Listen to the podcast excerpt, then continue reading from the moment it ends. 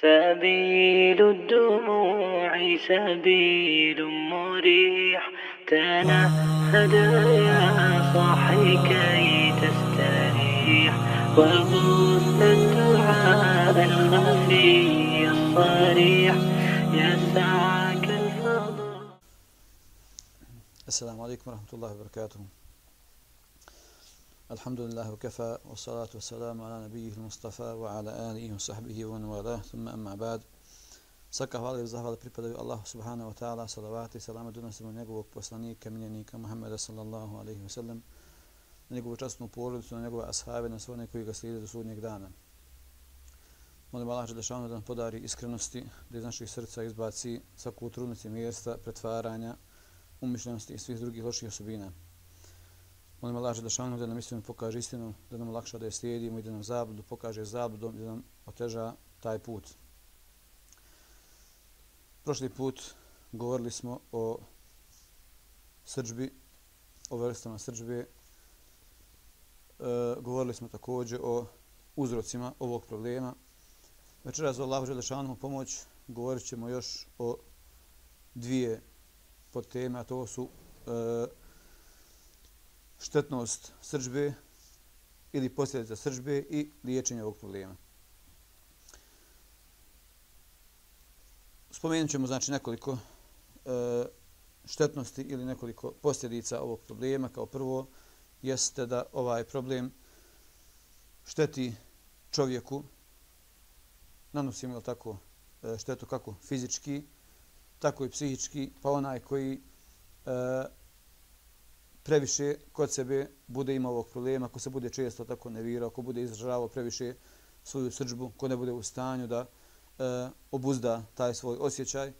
Takav e, prije svega znači htio, ne htio da, danes, da, da nanese nekome neki fizički problem, sam sebi negativno utječe na svoje zdravlje, jer kao što je poznato tako da čovjek kada se ljuti, e, krv mu brže kola, diže mu se tako pritisak, e, teže diše. Znači čovjek samim, samom tom svojom ljutnjom kod sebe proizvodi zdravstvene probleme. A također onaj koji prijeđe granicu u srđbi, takav može sebi ili čak drugom da naškodi.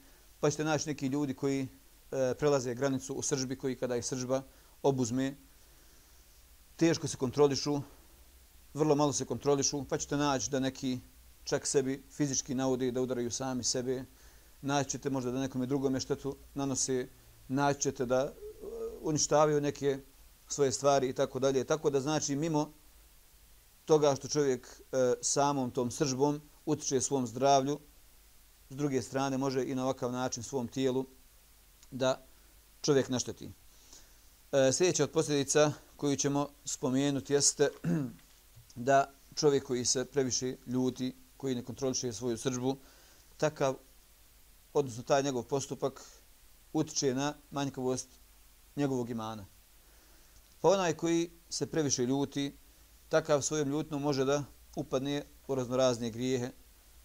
Može da, jel tako, nekoga zbog te svoje ljutnje naljuti ga neko i onda on, jel tako, on se toga prisjeti pa kaže joj, ona tamo i tamo, kakav je, pa počne da ga ugovara, da prenosi tuđe riječi. Jel tako, i onda čovjek, e, mimo toga još mnoge druge grijehe, može tako da čovjek e, može nekoga opsuje, da ga uvrijedi, da ga omalovaži, da spominje neke njegove loše osobine i tako dalje. Znači čovjek može svašta nešto raznorazne grijehe da počini, što svakako utiče na oslabljivanje njegovog imana. Tako da je druga posljedica ovog problema jeste da srđba čovjeku umanjuje njegov iman. Treća posljedica jeste da onaj koji se previše ljuti ne može da baš najbolje kontroliše sam sebe, jer čovjek u takvom stanju, kada je srdit, dođe mu, da kažemo, neko stanje gdje nekad čovjek kada priđe tu granicu, ručinaci kada govore o sržbi i vežu za neke propise, pa nekad kaže da li je čovjek do koje granice je bio ljud. Pa ako je bio do te te granice ljud, da mu se gubi pamet, da nije svjestan što govori, onda, ne znam, recimo kada govore o razvodu braka, o nekim problemima, e, pa ako je bio, ako je bila ljutnja normalna, propis je ovakav, ako je ljutnja bila preko je tako, prekomjerna propis je drugačiji. Tako da znači činjaci za ljutnju vežu neke propise, tako da čovjek tako baš zbog toga što čovjek ne može da kontroliše sam sebe, proizvodi, odnosno i samo toga proizlaze mnogi problemi. Pa se prenosi da je jedan e, pobožnjak, dok je bio u toj nekoj svojoj sobi gdje je provodio vrijeme u ibadat Allahu Žadašanuhu, pa kaže došao mu je šeitan, prišao mu i pokušavao da ga u zablud odvede. Pa nije uspio. Pa ga je šeitan zvao, ovaj se nije odazvao. Pa je šeitan opet ga zvao, kaže, da ti nešto kažem, jer kaže, ja od ovo te zadnja prilika, bolje da ti kažem, ili ću otići. Ništa ovaj pobožnjak nije se osjetao na šeitana, pa gdje već šeitan, kaže, krenuo da ide, pobožnjak ga zovnu. Sačkaj, kaže, dođi vam. I ovaj se kaže, reci, kaže, reci mi, bogati, koja je to osobina koju ti, kaže, kod, sa kojom, odnosno osobina koja ti pomaže da ljude savladaš, da dovedeš u zabludu, pa kaže njemu šeitan, žestina. Znači, kada je čovjek srdit, kada ga obuzme ta žestina, ne može da skontroliše. Kaže šeitan njemu, jer kada čovjek obuzme ta žestina, onda, kaže, mi ga prevrćemo kao što dijete prevrće loptu. Igra se šeitan s insanom kada je ljud ko što dijete igra sa loptom. I onda jer čovjek ne može tad sebe da kontroliše. Šetan koristi tu priliku i onda insana natjera ga svašta nešto da počini raznorazne grijehe, da našteti sebi ili nekom je drugom. E, sljedeća od posljedica ovog problema jeste da čovjek sa ovim problemom sam sebe dovodi u situaciju da mora od drugih da traži izvinjenje. Znači, je tako, ljudci, ne pokušavaš nešto plaho da se da tu svoju srđbu obuzdaš i onda nekome kažeš nešto, uradiš nešto i tako dalje, zbog čega se kasnije kaješ i onda zbog te svoje ljutnje ti kasnije moraš da dovedeš sebe u situaciju tako da se poniziš i da odiš drugom i kažeš, e, izvini, bio sam ljut pa sam ti rekao to i to. I onda čovjek zbog ovog problema, je tako, zbog nekontrolisanja te svoje srđbe, dovede sebe do toga da mora od drugi da traži izvinjenje. Pa kaže poslanik, sallallahu alaihi wa sallam, u jednom hadisu se spominje da je došao jedan od ashaba i rekao poslaniku, sallallahu alaihi ve sallam, kaže, Allah poslaniče, daj mi neki savjet, oporuči mi nešto, ali kaže, kratko. Pa kaže njemu poslanik, sallallahu alaihi sallam, kada staneš na namaz, stani kao da ti to oproštajni namaz, kao da ti je zadnji namaz. Znači, vodi brigu o svom namazu. Jer namaz treba da ti bude kao da ti je zadnji. Jer onaj koji bi znao da mu je namaz zadnji, takav bi sigurno tako posvijetio tom namazu puno pažnje, obavio bi onako kako treba. Zatim mu daje poslanik, sallallahu alejhi ve sellem drugi savjet, kaže, nemoj govorit ono zbog čega ćeš sebe dovesti u situaciju da se drugima izvinjavaš. Znači, nemoj sebe dovesti u situaciju da ti zbog svog jezika, zbog svojih riječi ili tako da se drugim ljudima zbog toga izvinjavaš i da mu je treći savjet, kaže, nemoj se nadat onome što je u tuđim rukama. Znači, neko nešto ima, Allah mu dao, nemoj se ti sebe zbog toga razumiješ da imaš neku nadu i ovoj može ću sad ja to, pa da na koji način ja da mogu to dobiti što on ima. Znači nemoj se nadat onome što je u tuđim rukama. Allah tebi što je dao, dao ti je, od Allaha Želešanuhu traži, oslon se na Allaha Želešanuhu. Tako da ovaj hadis, ova tri pravila koje nam je poslanik sallallahu alaihi sallam dao, ova tri savjeta koja su kratka, a koja nam govori prvo o namazu, drugo o čuvanju jezika, koji je i tekako e, čovjeku stvara raznorazne probleme, a govorili smo već o raspravi tako dalje, znači o nekim e, preprekama koje se tiču jezika, pa da čovjek, jel tako spomenuli smo, da čovjeka može jedna riječ odvesti ili džennet ili džehennem, a da je čovjek ne pridaje pažnje, kao što kaže poslanik sallallahu alaihi sellem. I treća stvar je tako da čovjek e, koja govori o tome da, da, se čovjek ne nada onome što je u tuđim rukama, a to nam govori je tako da čovjek treba da laže, da da traži, da se na Allaha osloni, jer Allah subhanahu wa ta'ala je svima nama najbolji oslonac. Pa tako da čovjek ne treba sebi da dozvoli da e, zbog svoje srđbe, zbog nekontrolisanja tog problema, da čovjek sutra sebe dovede u situaciju da mora da se izvinjava. Čovjek bi trebao, tako, e, da cijeni kod sebe to izvinjenje.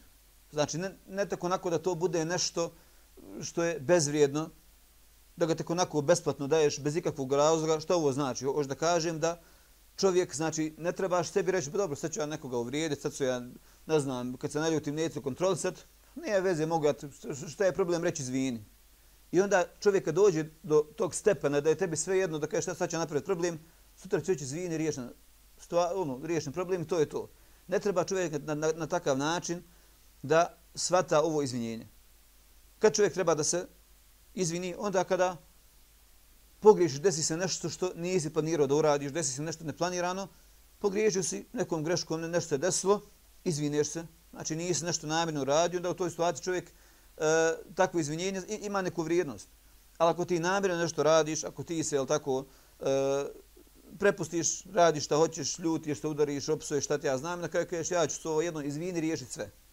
Teško se rješava s jednom riječi sve. Zato čovjek ne treba kod sebe da omalovaži ovu rečencu ili ovu riječ, da se nekome izvine, jer to je, ako se ispravno ta riječ shvati, ona ima neku, da kažemo, vrijednost, tako da čovjek ne treba da je svede na nešto što ne ima nikakvu vrijednost.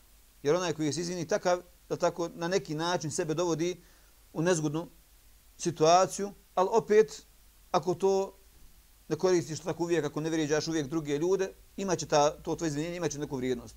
Ali ako ti, ako je to kod tebe bez, bez ikakve vrijednosti, ako je to tek onako samo, to više ne pali nikod koga, jer ti zna, ti ješ danas go vrijedio, sutra se izviniti, onda ako ništa nije bilo, tako da čovjek ne treba tako da sebe dovodi u situaciju da se zbog svoje srđbe da doživljava te neke neugodne trenutke, ali tako, kada bude morao da se izvinjava.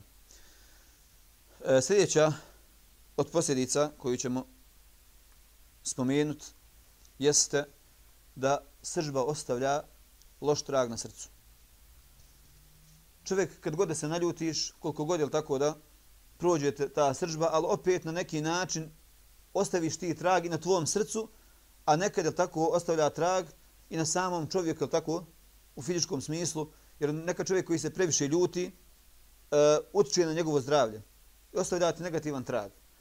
Međutim, kada govorimo o, o srcu, tako, često ta sržba ostavi trag ili kod tebi ili kod nekoga drugog zbog koga se ti ne ljuti ili kome si nešto u trenucima sržbe koga se povrijedio. Svi smo tako sigurno čuli onu poznatu priču oca i djeteta, otac sin kada su negdje bili, pa se sin malo, malo e, iznervira se nešto, pa ufati ga sržbe, ali tako, pa ne kontroliše svoju sržbu.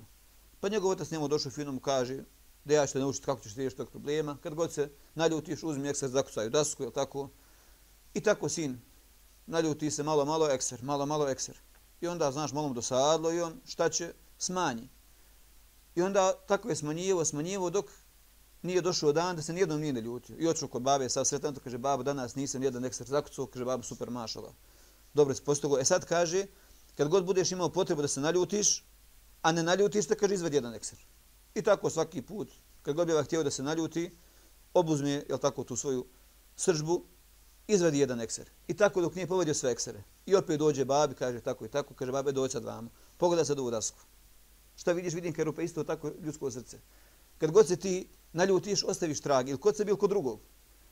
Tako koliko god se ti ljutiš, ne znam sad ti s nekim na sjelu, naljutiš se i nakon te sržbe izvineš se nekome, ali tom nekome će sigurno nekad ostaće mu trag, jel tako, u njegovom srcu, koliko god on prema tebi bio fin, koliko god on se prema tebi smijao se, jel tako, i fin prema tebi bio, sigurno da je u njegovom srcu ostala, da kažemo, ta neka e, stvar koja ga je od tebe povrijedila. Zato čovjek treba da kontroliše tako sebe kako ne bi kod sebe ili kod drugih ostavio loš trag u njegovom srcu. Sljedeća od posljedica jeste i teška kazna. Znači ova tačka se djelimično veže, veži za onu tačku, tako da čovjeka e, da srđba biva uzrokom mnogih grijeha, jer svaki grijeh vodi Allahu Đelešanuhu srđbi i njegovoj kazni. Ali ovdje ćemo spomenuti hadis uh, gdje se, u kojem se kaže da je Abdullah ibn Amr ibn As radijallahu anhuma kaže, pitao poslanika sallallahu alaihi sallam, kaže pa šta je to što će me spasiti Allahove srđbe? Pa idemo kaže poslanik sallallahu alaihi sallam, ne srdi se. Znači šta je to što će me spasiti Allahove kazne? Kaže ne srdi se. I u mnogim drugim hadisima prenosi od drugog sahaba da je pitao poslanika sallallahu alejhi ve sellem šta je to što će mu uvesti u? Pa kaže ne srdi se. Po trećem hadisu pitao ga ashab, "Posavetujem." kaže ne srdi se. Opet, ne, posavetujem." ne srdi se, nekoliko puta on ponovio, ne srdi se. Jer čovjek kada je u trenucima sržbe takav može svašta da uradi, da izazove, da, da izazove na sebe Allahu dželešanuhu sržbu. Pa je poslanik sallallahu alejhi ve sellem znajući to, posavjetovao ga ashaba koji ga je pitao kako da sačuva Allahove sržbe, rekao mu poslanik ali selam ne srdi se. Sljedeća od posljedica ovog problema jeste da čovjek u srđbi dođe do te situacije da ne govori istinu. Pa čovjek koji je ljut želi da on bude u pravu. Ako se recimo s nekim raspravlja i ta rasprava ga dovede do srđbe i on želi da bude u pravu. I onda ne može tako da dozvoli sebi da ovaj drugi pobjedi u toj raspravi, pa onda bude spreman tako i da slaži. Pa poslanik sallallahu alejhi ve sellem je dovio i prvo se od njega jedna dova da je dovio Allahu dželle Allahu molim te za istinit govor, da govorim istinu i u zadovoljstvu i u srđbi. Jer znao je poslanik sallallahu alejhi ve sellem da čovjek kada je srdit lahko je govoriti istinu kada si u zadovoljstvu sve ti raha, sve ti potamam, super, nikakvih problema nemaš, što bi lago, što čovjek ne bi govori istinu. A onda kad si srdit i imaš neki razlog da slažeš, pa je poslanik sallallahu alejhi ve sellem molio Allaha da jer je znao da to nije lahka stvar, Allahu daj mi da govorim istinu i kada i u zadovoljstvu i onda kada kada sam srdit. Sljedeća od posljedica jeste da e, ljudi koji rade na raznoraznim kažem projektima koji rade zajedničke projekte bilo da su humanitarni davetski i tako dalje onaj koji je poznat po srđbi takav neće imati puno da kažemo pristalica i pomagača jer ako imaš tu osobinu kod sebe svi će izbjegavati što bi neko s tobom radio jer nekome ne treba to da on hoće da hoće da radi u ime Allaha Želešanuhu, a ti da se srdiš zbog nekih svojih, jel tako, šefova i šta ti ja znam, hirova, zbog nekih situacija ti da se njemu srdiš, jer onaj koji neko dobro djelo radi, radi ga radi Allaha Želešanuhu. Dok onaj koji se srdi, jer ako neko djelo radiš radi Allaha, neki projekat radiš, bilo koji da je projekat, radi ga radi Allah Želešanu. E ako se ti u tom poslu, u tom projektu ljutiš zbog sebe, zbog svog nefsa, to je dokaz da ti u stvari ne radiš radi Allah Želešanu. Jer ti da radiš radi Allah Želešanu, sve te ostalo tebe ne zanima. Radi ovo što si krenuo da radiš, znaš zbog čega radiš, ustraj na tome, ne bi te ni uvrijedilo to, ali to je dokaz da onaj koji je tako neki posao radi radi svog nefsa, a ne radi Allah Želešanu, to je dokaz da njegovo djelo nije iskreno i tako, takvog će ljudi prepoznaće tu njegovu osobinu i izbjegavaće ga tako da neće imat, da kažem, pomagača i onih koji će biti uz njega u takvom poslu. Sljedeća od e, osobina jeste da ova, odnosno sljedeća od posljedica ove osobine jeste da ona prouzrukuje raskol, razjedinjavanje i tako dalje. Pa ljudi koji su, opet govorimo tako o projektima i tako dalje, koji rade neki zajednički projekat, ako čovjek kod sebe ima ovu osobinu, da se često svađa, da ne može da obuzda svoju srđbu, da se ljuti rad nekih sitnica i tako dalje, da ne može e, da mu pozitivne osobine ili ono, ono sve što je pozitivno u tom poslu ne može da mu nadvlada tu neku sitnicu koja mu izaziva srđbu, to će sigurno prouzrokovati u tom poslu raskol i razjedinjavanje. I zadnja od posljedica koju ćemo spomenuti jeste da onaj koji se srdi, njegov put bit će dugačak, opet da tako govorimo o nekom radu, davetskom, monetarnom, tako dalje, njegov put bit će dalek i puno će ga koštati. Jer umjesto da te nešto košta manje, da ti uzme od tebe kraće ili manje vremena, onaj koji se srdi, puno će mu taj njegov put duže trajat, jer dok ti sad nagodiš šta je bilo, kako je bilo, dok ti samo tome posvetiš pažnju, dok sad ti to dotjeraš, jel vako, jel onako, i onaj koji se srdi, non stop će sebi prouzrukovat dodatne probleme, jer ne možeš ti ići dalje ako nisi neki problem riješio. I onda ti tamo da riješiš neki problem, počneš se srditi onda ponovno iz početka. I onda te košta i vremena, i onda taj tvoj put koji si ti trebao završiti ranije, samo ga još više jel tako od sebe udadavaš, taj cilj, još se više otežavaš, još te više košta i onda svaki posao ide ti iz početka. Umjesto jednostavno preskoči, neke stvari progutaj, što bi kod nas narod rekao, stisni zube, idemo dalje, ne moraš na sve živo onaj osvrtati na sve obraćati pažnju pa šta je pa ovako ne može čovjek sve dotjerati na sve što, što često naši stari ljudi kažu niko nije krivu drinu ispravi, ni će ispraviti ona je kakva jeste tako da čovjek neke stvari mora ostaviti po strani da bi ti stigao do cilja koji se koji se zacrtao e, sljedeće jeste kako da riješimo ovaj problem kod sebe. Znači onaj koji ima ovaj problem svi ga imamo na neki način neko većoj neko manjoj mjeri. Pa molim Allah da šanu ono prije svega da nas ima olakša da e, srđbu, kada godna srđba ovlada, a svakako ovlada, da tu srđbu što lakše savladamo, tako da je mi pobjedimo, ne da ona nas nadlada.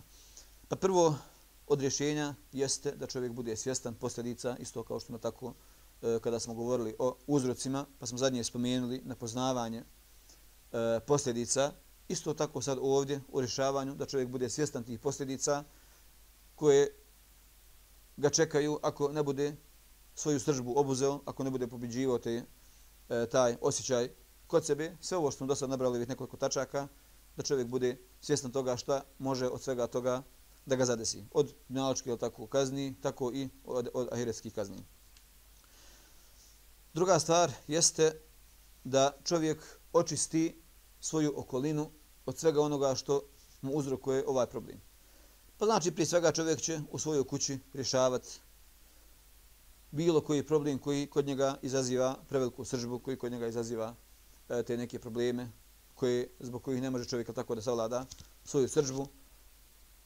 Ako nije u tome problema koje širiji problem, znači nije u kući već u komšiluku i tako dalje, opet to čovjek treba da pokušava da rješava probleme, pa neka čovjek da proguta pa da prešuti, pa da drugom kaže u pravu se, iako nije u pravu, ali čovjek na neki način da gleda e, da riješi te, da kažem, neke šire probleme koji su možda djelimično uzrokom ovog problema. Sljedeće, da čovjek sebe liječi od E, problema poput rasprave, poput pretjerane šale i tako dalje. Znači, govorili smo i o raspravi, govorili smo o mnogim drugim problemima i smijavanju i tako dalje, da čovjek kod sebe riješi ove neke stvari. Jer ako, ako imaš jedan problem, često taj ti problem prouzrokuje neki drugi problem. Pogovorili smo tako među prvim predavanjima našim o raspravi, o štetnosti raspravi i tako dalje. I onda čovjek treba kod sebe da liječi ovaj problem, da rešava, da sam sebe trenira, da islamski, kada s nekim vodi dijalog, ili tako da, na islamski način, ispravan način, da vodi taj dijalog, da kada se šališ, da se šališ u granicama, jer čovjek ne treba u šali pretirivati granice, kao što mnogi ljudi želi da se, više ono što bi rekli, ispucuje sve neke normalne šale, pa onda hoće sad nešto na neki drugi način da nasmi isto kod je život samo zbog šala i zbog šta ja znam, neke zezancija i onda pokušava, vidi, nema više nekih normalnih šala, pa hajmo sad izmisliti neke, ne znam, nija, pa klepne ovoga po glavi, pa koje zvuce, nešto šta ja znam, razvrazi neki šala, koje u stvari osnovno nemaju nikakvog smisla, niti ima e, nešto što bi u tome bilo pozitivno i tako dalje. Onda čovjek ako se pozabavi tim nekim šalama koje su neispravne šale, gdje se koristi ili vrijeđanje, ili laž i tako dalje, čovjek će sigurno samim tim prouzrokovati da se neko na nekoga naljuti, da to prerastu još veći problem. Tako da čovjek od sebe mora da rešava prvo ove probleme, poput raspravi, neispravne šale i tako dalje, da sve to svede na ono kako Allah Želešanu zadovoljan, na, da rasprave tako svede na dijalog, a da šalu neispravno svede na onakvu šalu kakva je u islamu dozvoljena. Također od načina kako čovjek da riješi problem jeste da ne nanosi nepravdu drugim ljudima. Čovjek nepravdu neće nanijeti samo ako nekome nešto ukrade, ako samo nekoga udari. Nepravda je, govorili smo tako i o nepravdi i o zulumu. Zuluma ima dosta vrsta, pa čovjek ne treba ni na bilo koji način tako da nekoga uvridiš riječima, da opsuješ, da omalovažiš, da e, kroz šalu ili na bilo koji drugi način, tako da nekome naneseš nepravdu. Tako da čovjek sebe čuva da bi izbjegao sržbu, čuvaće sebe ovoga da ne nanosi drugim ljudima nikakvu nepravdu, kako ta nepravda ne bi prouzrokovala da se neko rastradi pa da to dovede do svađe, pa da onda obje strane ili tako budu srdite, da onda problem postaje samo veći i veći. Također, treba zajednica ko zajednica da svi uzmu ono što je u njihovim rukama da se o tome pozabave. Tako da ovaj e, svako će na neki način, neko će savjetovat, neko će možda ako je u pitanju tako država, vlast, ako u pitanju neka stvar treba da se kazni, kaznit ih oni tako koji prave prijestupe. Tako da svako će na neki, na, na neki način tako uložiti truda, država na svoj način, a ljudi savjetovanjem, lijepim primjerom, lijepim govorim i tako dalje. Znači tako da će svako u društvu poduzeti ono što je u njegovoj moći. Svako od nas može na neki način, neko možda ima ugled, neko možda ima, ne znam, ako neko pravi problema zbog neimaštine, ovaj mu dadne, pomogne mu da vrati dug, pa ga to malo smiri i tako dalje. Znači, neko može samo lijepom riječi da ga posavjeti to što tebe, ne znam, prozruka kod tebe srđbu riješćeš, tako i tako. Znači, svi mi treba da poduzmemo, čitavo društvo treba da poduzme ono što je u njegovoj moći. Također treba da svakom čovjeku damo njihovo pravo. Da damo njemu, njemu njegovo pravo. Znači, nećemo, jel tako, omalovažavati druge ljude, nećemo druge ljude izazivati, kao što smo prošli put govorili, pa da mu kažeš, jesi ti kukavica, vidi ti ne smiješ to i tako dalje. Već jednostavno svakome dat ono što njemu pripada ili dat mu njegovo mjesto koje on ima u društvu. Znači da onaj ko ima nešto pozitivno izrazi to njegovo pozitivno. Ono što ima negativno, na neki način pokušava da se ispravi, da ga ne uvrijedimo, tako već, ispravnim, lijepim savjetom, lijepim riječima, pokušava da ispravimo to što neko ima kod sebe, ali svako od nas ima nešto što je pozitivno i svako treba ili tako da e, prizna to nešto što neko ima pozitivno i da ga stavi na njegovo mjesto kojemu pripada, a ne da ga spušta pa da ga omalovažava samo kako bi kod njega nešto probudio ili kako bi e, postigao nešto s tom njegovom ljutom i šta ja znam s tim nekim omalovažavanjem. Također, od načina liječenja jeste da čovjek e, ne pobuđuje te neke stare razmirice.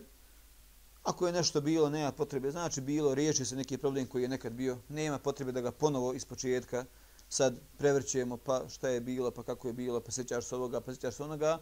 I na kraju čovjek malo pomalo pređe granicu sabora, čovjek više tako ne može da u sabori, pa onda dovede to do svađe, dovede do rasprave, dovede do ljutnje i svega ostalog. Sljedeća tačka koja predstavlja liječenje ovog problema i rješavanje ovoga jeste da čovjek promijeni svoje neko stanje. E sad ovo, ovime prilazimo sa više strana, je tako kao što je u nekim hadisima došlo da kada se naljutiš da ako stojiš, da sjedneš, ako sjedneš, da legneš ili da uh, u nekim hadisima spominja čak da čovjek svoje lice u, u prašinu da stavi ne bi se ne bi kod sebe čovjek smirio e, taj osjećaj ili tu sržbu koja ga obuzdava.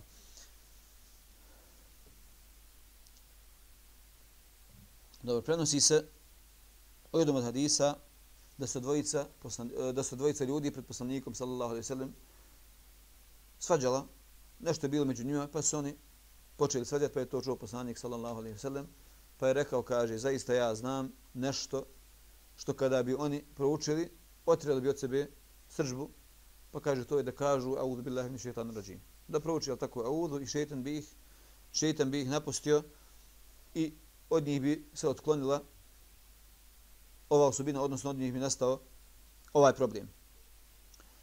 E, također u jednom hadisu koji je podugačak po jednom dijelu tog hadisa kaže se da je srđba žaravica u srcu sina Ademovog.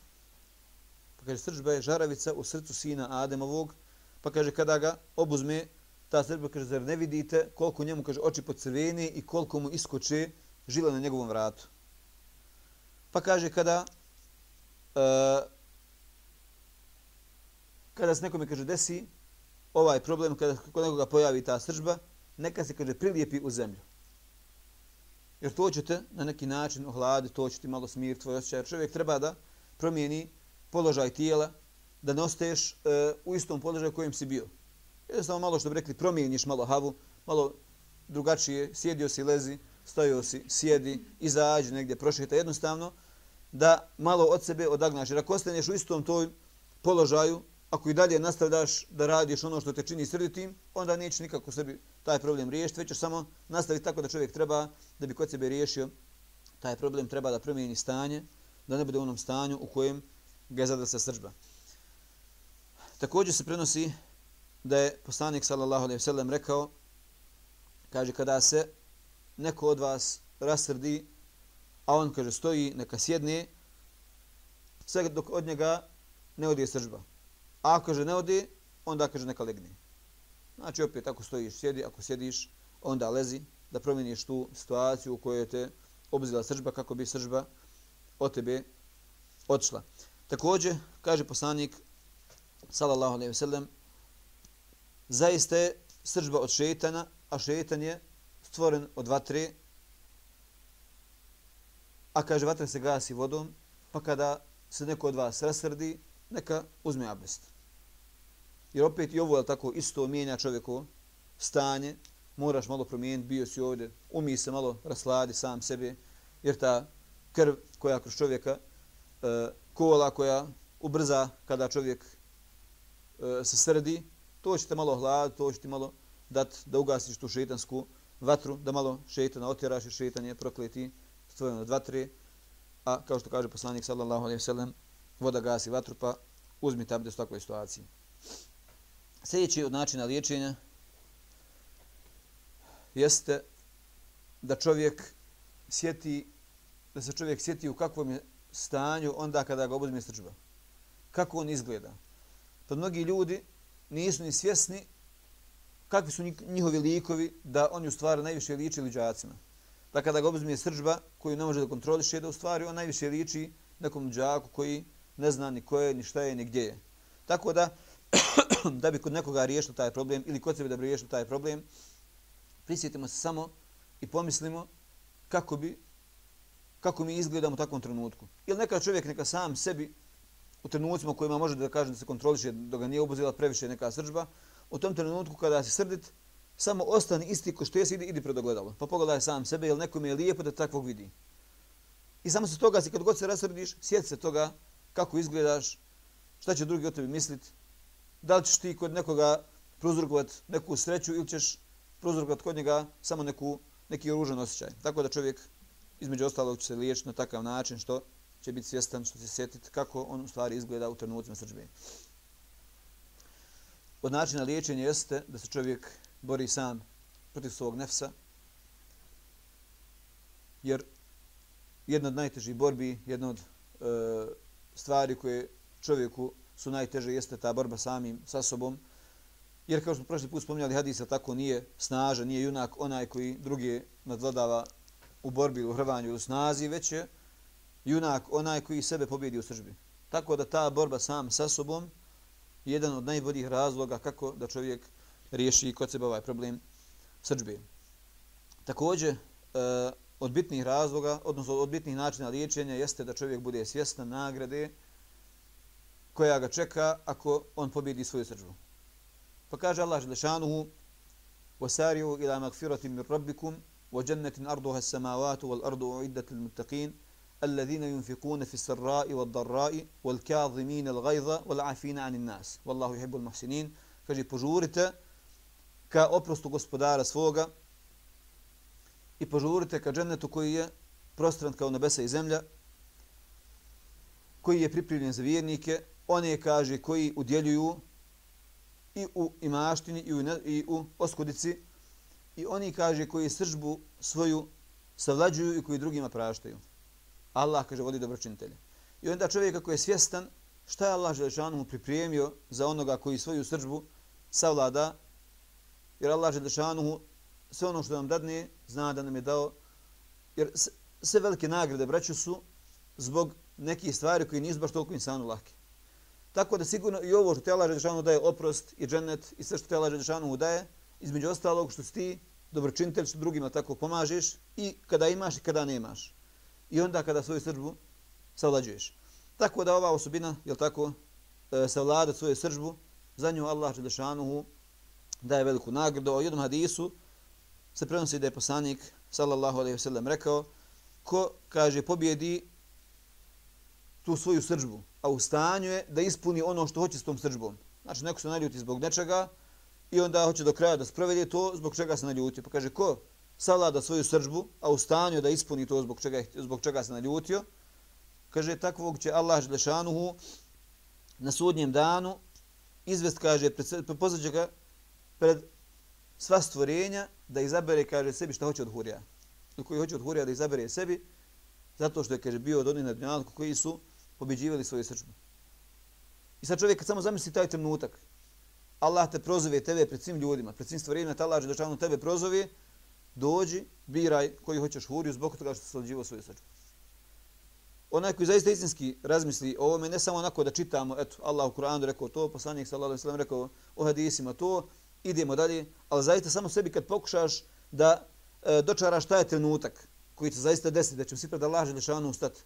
I onda kada tebe Allah Želešanu pozove, zbog toga što se ti trudio, zbog toga što se borio se protiv svog nefsa, zbog toga što si pobjedio tu svoju srđbu, a mogo si da ispuniš, mogo si tako da se izdereš, da opsuješ, da šta ti ja znam uvrijediš. I na kraju kažeš, e sad sam se ispuo, što kod nas narod, nego ga iznervira, on sve živo, iz sebe istrese, e sad sam kaj dobro. Pa je sad dobro kad si istreso sve što si imao, haj malo u sebi ostavi, nemoj druge ljude pljuvati tim otrovom, već malo savladaj to. I zato jeste Allah Žešan opisuje oni koji savlađuju svoju srđbu, a neko ispunjavaju i na kraju se smiri. To je svako.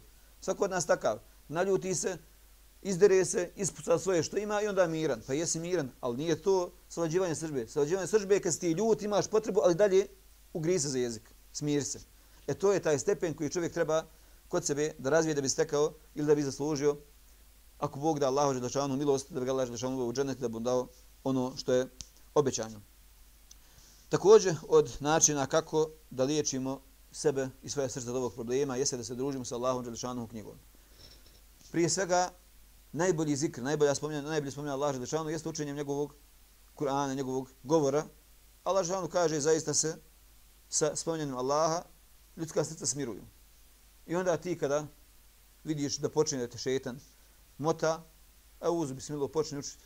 Jel tako? Da malo šetan otjeraš, da malo svoje srce smiriš. Jer tvojom srcu u takvom trenutku trebamo nešto što će ga smiriti, trebamo neka hrana, a najbolje nam je svima hrana, spominje na Allah Želešanuhu, a od toga je najbolje da učimo Allah Želešanuhu govor i da o tome razmišljamo. I zadnje što ćemo spomenuti, što u svakom problemu predstavlja rješenje i predstavlja prvi i glavni korak jeste da dovimo Allahu Đelešanuhu, da nam Allah pomogne da se okanimo tog problema.